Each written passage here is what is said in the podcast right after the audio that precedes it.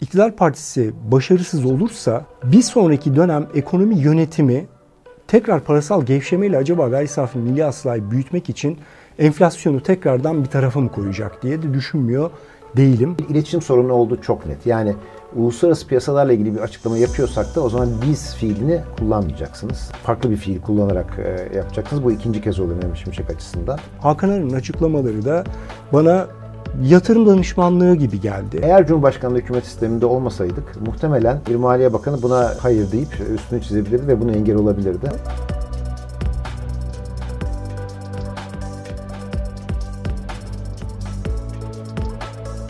Pusula'nın 2024'teki ilk yayını yapıyoruz sevgili Ömer. Ee, öncelikle bir paylaşımını gördüm, gördüm sosyal medyada. Herkese spor yapmayı tavsiye ediyorsun. Çok Mümkün doğru. olduğunca e, hareketli kalmayı tavsiye ediyorsun. Ben de bunu kendi adıma bir tavsiye olarak kabul edip uygulamaya çalışacağım. Harika. Ee, yani şöyle söyleyeyim bana soranlara nasılsın diye soranlara bomba gibiyim diyorum. Sonra ortamı soruyorlar. Ya nasıl olur falan diye. Sonuçta beden sağlığını korumadan ruh sağlığını korumak mümkün değil.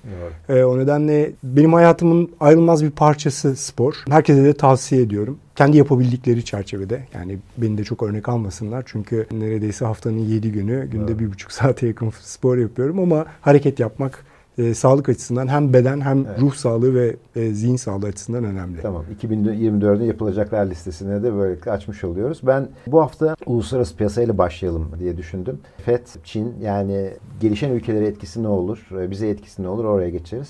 E, Bir düşüncelerini alabilirsek öncelikle bu konuda. Ee, aslında 2023 yılında oldukça karışık bir seyir izledik. Özellikle Fed'in sıkılaştırma politikası içerisinde bir ara iki tane önemli bankanın ya devredilmesi ya batmasıyla gündeme gelen e, süreç sonunda sanki piyasalar geçmiş yeniden tekrar edilecekmiş gibi faiz oranlarında bir indirim beklediler ve hüsrana uğradılar. 2023'ün sonuna doğru geldiğimiz noktada e, bu sefer piyasalar Fed'in tam tersi bir beklentisi içerisinde sanki hiç düşmeyecekmiş gibi bir havaya girdiler. 2023'ün en son toplantısında Fed'in açıklamış olduğu toplantıda 75 bas puan indirim öngörüsü e, söz konusu olan Fed.plot açıklandıktan sonra da bu sefer yeniden kantarın topuzunu kaçırdılar. Öyle bir durum oldu. Fed 75 bas puan indirim bekliyor. Piyasalar bu sefer 150 bas puan indirim beklemeye başladılar.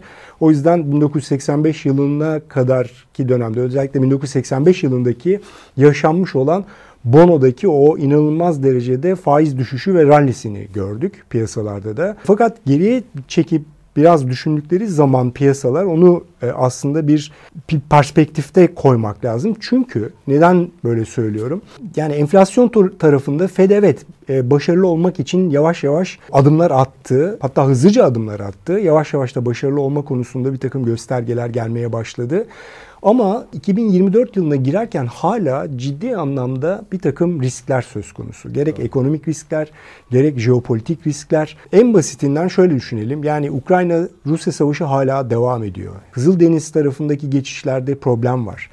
Çin özellikle kendi ekonomisi tarafında ciddi anlamda bir sıkıntı içerisinde konut piyasası anlamında ve mevcut birikmiş olan borç stoğunun üzerine ek borç stoğu eklememek için devlet bu konuyla ilgili bir takım teşvikler verme konusunda geriye çekiliyor. Çin'de enflasyon geriliyor hatta negatif anlamda. Yani ben jeopolitik olarak baktığım zaman stratejik anlamda e, çok kutuplu bir dünyaya da girmiş olduğumuzu görüyorum. Özellikle sadece savaşlar değil, ekonomik anlamda ve bilimsel anlamda, teknolojik anlamda. Çünkü hayatın bir e, yeni gerçeği yapay zeka, artificial intelligence. E, bu konuyla ilgili çip savaşları var. Yani bu Doğru. çip savaşları konusunda Amerika Birleşik Devletleri'nin Hollanda'daki çip üreticisi ESML'e yapmış evet. olduğu müdahale, aynı zamanda Nvidia'ya yapmış olduğu müdahale ve bu konuyla ilgili yapılacak olan satışların sınırlandırılması, Çin tarafından gönderilen öğrenci sayısının Amerika tarafından kotalar uygulanmaya başlanması gibi bir sürü aslında gelişme e, dünyadaki nasıl çok kutuplu bir ortam olduğunu, tedarik zincirlerinin hala problem olabileceğini, maliyet anlamında bir takım unsurların ön plana çıkabileceğini ve enflasyonda aslında yeni sürprizler olabileceği konusunda bana bir takım izlenimler veriyor. E, bu işi sadece Fed değil aynı zamanda Avrupa, Çin, Uzak Doğu, Japonya, Arap ülkeleri, Orta Doğu gibi düşünmek lazım. Yani genel ve bütüncül olarak baktığım zaman ben bu kadar riskin olduğu bir ortamda tek bir faizle bu konuyla ilgili bir karar vermenin çok zor olduğunu düşünüyorum ki zira Amerika'daki iş gücü piyasasının da hala hazırda aslında evet devinim içerisinde olduğunu, bu konuyla ilgili bir takım riskleri de barındırdığını görüyorum. E, bu konuda senin de fikirlerini merak evet. ediyorum. Ya ben de e, biraz bunu aslında yani arabaların fren e, yapma mesafesiyle hızlanma mesafesi arasındaki fark gibi görüyorum. Piyasalar 5.5'lara geldikten sonra ABD faizleri hızlı bir indirim e, beklentisine çok çabuk giriverdiler. Ama bu faizleri indirirken sıfırdan yüze araçlar çok hızlı gelebiliyor ama önünüzde bir engel varsa e, durmak çok daha zor olabiliyor.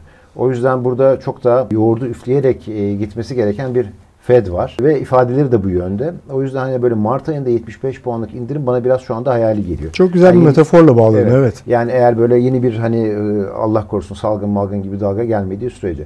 O yüzden ben hani ilk indirimin e, yılın ortasında Haziran Temmuz gibi gerçekleşebileceğini ve yılın tamamında da belki 75'te ancak sonlanabileceğini düşünüyorum. Bu da tabii daha temkinli e, olmak gerektiriyor. Ama hem yıl sonuna gel yani 2023'ün yıl sonunda bu dalganın gelmesi de biraz hani yıl sonu bilançoları iyi gitmiş bir senenin sonunda iyi kapanma hevesiyle e, biraz da kendi kendini besleyen bir hale e, dönüştü. Ama baktığımızda ben de hani bu sene içerisinde e, Fed'in daha temkinli e, gidebileceğini ve hani 4.25-4.5 seviyelerinde yılı bitirebileceğini e, düşünüyorum. Böyle bakınca şu anki fiyatlamalar, 10 yıllıktaki fiyatlamalar bana daha e, makul gelmeye başladı. 3-4 hafta öncesine göre.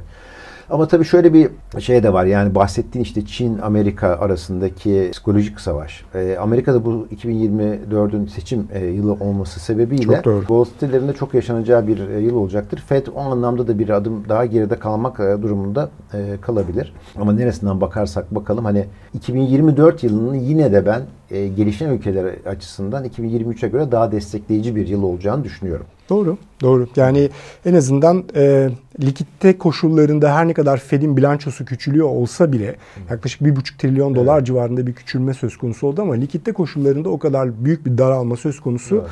değil. Aynı zamanda piyasaların miyopisi dolayısıyla yield hunt dediğimiz o insanların devamlı olarak getiri açık şekilde fonların bir yerlere kaynak aktarıp buralardan para kazanma e, güdüsü gelişen piyasalara da e, bu bağlamda faydalı olacak gibi görünüyor.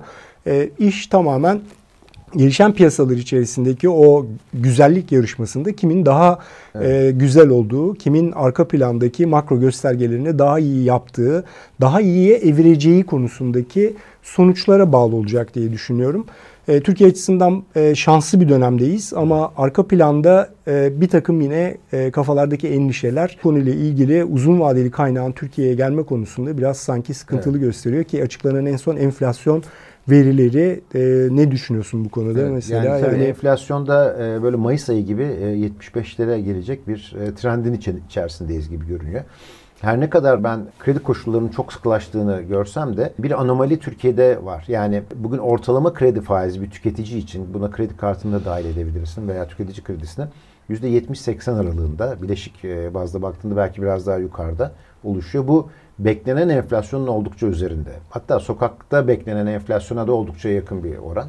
Ama mevduat faizlerine baktığımızda işte 40-45 aralığındaki mevduat faizleri ki bunda ancak e, çok büyük yatırımcılar ulaşabiliyor buna. Bu ne beklenen enflasyonla ne de e, kur artış hızıyla çok fark eden bir hali yok. Yani hemen hemen aynı. Aylık %3 artan bir kura çok paralel veya aylık %3 civarında beklenen bir enflasyon çok paralel bir mevduat faizi görüyorum. Böyle olunca da bir tarafta çoğunluğun e, çok yüksek faizde, kredi kullanan çoğunluğun çok yüksek faizde bayağı ezildiği bir dönemi görüyorum. Buna karşınsa e, TL'ye dönüş için bir sürü tereddütü olan bir azınlık. Özellikle döviz mevduat sahipleri görüyorum. E, bu dengeyi kırmak çok zor. Bu geçmiş yılların hatalarından kaynaklanan bir denge. E, ama bunu kıramadığınız sürece de enflasyondaki kırılmayı sağlamak da çok zor olacak. O yüzden ben bizim ekonomi yönetiminin biraz enflasyon beklentileri yönünde veya bu TL'ye dönüş yönünde fazlasıyla iyimser ve aceleci olduğunu düşünmekteyim. Zaten Mehmet Şimşek'in açıklamaları vardı, Hakan Aran'ın açıklamaları vardı. O konuda senin de düşünceni merak ediyorum. Ben biliyorsun hep kurumsal çerçeveden bakmaya çalışıyorum bu konuyla ilgili. Öncelikle şunu söylemek lazım. Yani toplum nezdinde e, genel bir kanı enflasyonun düşeceğine olan inanç yok. E, ekonominin e, kurumlarına olan güven konusunda çok ciddi e, problemler var. Yani güven hep bu programlarda güven güven diyoruz. E, güvenin olmadığı bir ortamda da güven zaten hani kelime anlamı itibariyle kredibilite demek. Yani kredibilitenin olmadığı bir e, ortamda, bir ekonomik ortamda e, söylediğinde çok haklısın. E, bir takım göstergeleri aşağı çekmek, e, ikna etmek, düşeceğine ikna etmek son derece zor. E, ben kredi kartları tarafından bir e, analiz yapmak istiyorum. En azından hani şöyle bir durum var çünkü toplumda TÜİK'in açıklamış olduğu enflasyon verilerine inanmıyor insanlar. Evet.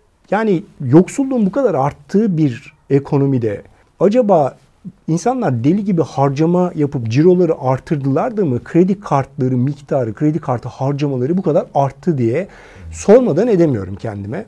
En son gelen veri 252 milyara yakın bir kredi kartı harcaması bir haftalık. Evet. Senenin sonu doğru ama ben geç, 2023 e, Aralık'la 2022 Aralık'ın 4 haftalık ortalamalarını birbirleriyle Hı-hı. kıyasladığım zaman %114'lük bir artış doğru. var. Yani bunun içerisinde enflasyon çok büyük bir... bir yani bir buçuk TÜİK enflasyonu kadar bir artış var. Evet. evet. Yani o nedenle e, bir kere toplumu ikna etmek Hı-hı. lazım. İkincisi şimdi sıkı para politikası uygulayacağız. E, bu sıkı para politikası ile birlikte beklentileri yöneteceğiz. E, aktarım mekanizmasını özellikle Türk lirasına insanları tekrar çevirerek yapacağız dediğimiz yerde söylediğinde yine haklısın. Çünkü çok büyük bir kesim var. 203 milyarlık bir DTH var. O kemikleşmiş bir halde maalesef şey olmuyor. Geriye gelmiyor. Ciddi bir e, rezistans var orada 50'li faizlere 45'li faizlere rağmen. E, diğer taraftan da yine kurumsal çerçeve içerisinde şöyle bir şey aklıma geliyor. Sayın Mehmet Şimşek e, müsiyat toplantısında ikinci yarıdan itibaren parasal gevşeme yapılacağı konusunda oradaki iş adamlarına, sanayicilere açıklamada bulundu. Ben bunu dinlerken çok şaşırdım. Ben mi dedim acaba Merkez Bankası'nın bağımsızlığını hep düşünüyorum ve işte şeffaf, e, bağımsız bir kurum olarak bu devam edecek e, neden Maliye Bakanı parasal gevşeme konusunda açıklamada bulunur da e, orada Merkez Bankası Başkanı bu konuyla ilgili bir şey söylemez. E, yani siyaseten belki bir takım şeyler olabilir diye düşünüyorum. Çünkü belediye seçimleri son derece önemli. 31 Mart'ta yapılacak belediye seçimlerinde ki İstanbul çok daha önemli. Adaylar açıklandı. Eğer e, iktidar partisi başarısız olursa bir sonraki dönem ekonomi yönetimi tekrar parasal gevşemeyle acaba gayri safi milli hasılayı büyütmek için enflasyonu tekrardan bir tarafa mı koyacak diye de düşünmüyor değilim böyle bir açıklamanın arkasından. O nedenle bu kurumsal çerçeve içerisinde yine sapla saman birbirine karıştı gibi gözüküyor. Diğer taraftan yani Sayın Hakan Aran'ın açıklamalarını duydum. Hakan Aran'ın açıklamaları da bana yatırım danışmanlığı gibi geldi. Yani bir banka genel müdürü normal şartlar altında Hele kamuya açık olan bir açıklaması. Kamuya açık olan bir açıklamasında aslında vatandaşlarımızın önümüzdeki dönem daha iyi kazanması, servetlerini kaybetmemesi, servetlerine servet etkile, ekleyebilmesi için biz kurumsal olarak buradayız. Yatırım danışmanlarımız, kurumlarımız, portföy yönetimimiz burada demesini beklerdim ama evet, e, gerçekten de bu konudaki en e, kuvvetli bankalardan biri Türkiye'de portföy yönetimi olsun, yatırım kuruluşu olsun. Dolayısıyla hani oraya adres göstermek çok daha doğru olur. Çok daha mi? doğru olurdu. Yani bir genel müdür olarak sonuçta parasını TL'ye dönmeyen kaybeder, enflasyon düşecek, dövizde kalan kaybeder gibi bir takım açıklamalar açıkçası yani o kadar üst düzeyde yapılmaması gereken bir takım e, açıklamalardı diye düşünüyorum. Çünkü bunların hepsi birer risktir. E, bana sordukları zaman ben tahminlerimi hep kurşun kalemle yapıyorum diyorum. Çünkü bu kadar oynaklığın, bu kadar riskin, bu kadar evet. e, farklı bir takım makro göstergelerin olduğu bir yerde bu kadar iddialı konuşmak özellikle de genel olarak kitlelere hitap eden bir konum itibariyle oldukça riskli. Yüzde yüz sana katılıyorum. Gerek Mehmet Şimşek'in açıklamaları, gerek Hakan Arın açıklamalarında ister istemez başka kurumlara kefalet vardı. Doğru. Yani Mehmet Şimşek Merkez Bankası politikaları e, konusunda. Sonra düzeltmeye çalıştı. Uluslararası e, piyasa ile ilgili dedi ama bir iletişim sorunu oldu çok net. Yani uluslararası piyasalarla ilgili bir açıklama yapıyorsak da o zaman biz fiilini kullanmayacaksınız. Farklı bir fiil kullanarak e, yapacaksınız. Bu ikinci kez oluyor Mehmet Şimşek açısından. Yani ekonomi yönetiminde bir iletişim problemi var ve bir Maliye Bakanı'nın Merkez Bankası politikaları üzerinde bir kefalet belirtmesi veya bir banka genel müdürünün ekonomi politikaları üzerinde bir kefalet belirtilmesinin fazla riskli olduğunu düşünüyorum. Çünkü artık hani bir popülizm beklemiyoruz ama şunu da hiç aklımdan çıkartamıyorum. Türkiye belki de Cumhuriyet tarihinin en büyük popülizmi Bundan 5 sene önce yerel seçimler öncesi 31 Mart yerel seçimleri öncesinde kapı arkası Merkez Bankası döviz satışlarının başlayarak yapılmıştı ve efekti o şekilde ateşlenmişti. O yüzden burası Türkiye o anlamda büyük kefaretlere hiç kimse için kimsenin kimseye vermesine gerek yok. Yatırımcılar açısından yatırımcıları ikna etmenin e, en önemli yolu ise e, şeffaflıktır, saydamlıktır. E, mesela Mehmet Şimşek Merkez Bankası politikalarının üzerine bir yorum yap, yaparken Merkez Bankası da özellikle döviz satışları üstüne, KKM üstüne verilerini şeffaf bir şekilde açıklayacak şekilde 2024 programını yapmış olsaydı inanın bu sözlerden çok daha etkili bir e, adım e, atılmış olurdu bence. Kesinlikle ee, katılıyorum. Yani üstüne üstlük hani geçmiş döneme dair yapılmış olan açıklamaların bu dönemde ortaya çıkmış sonuçları da var ki özellikle tasarruf araçlarının evet. ne getirdiği ile ilgili. Bravo, bravo. Yani o tasarruf araçlarında e, vakti zamanında verilmiş olan bir takım tavsiyelerin bugün negatif olduğunu hep birlikte TÜİK açıkladı. Evet. Ee, yine vatandaş bildiğini aslında okudu, altın aldı. ve Belirli bir miktar dövizde durdu. Ama buna rağmen bir yıllık perspektifte de bütün yatırım araçları neredeyse altın dışında e, yanılmıyorsam Doğru. negatif getiri ortaya koydu. Vatandaşımız işini biliyor aslında bir taraftan. Ben öyle bakıyorum. Arkasına yazılacak olan hikayenin mantığı nedir?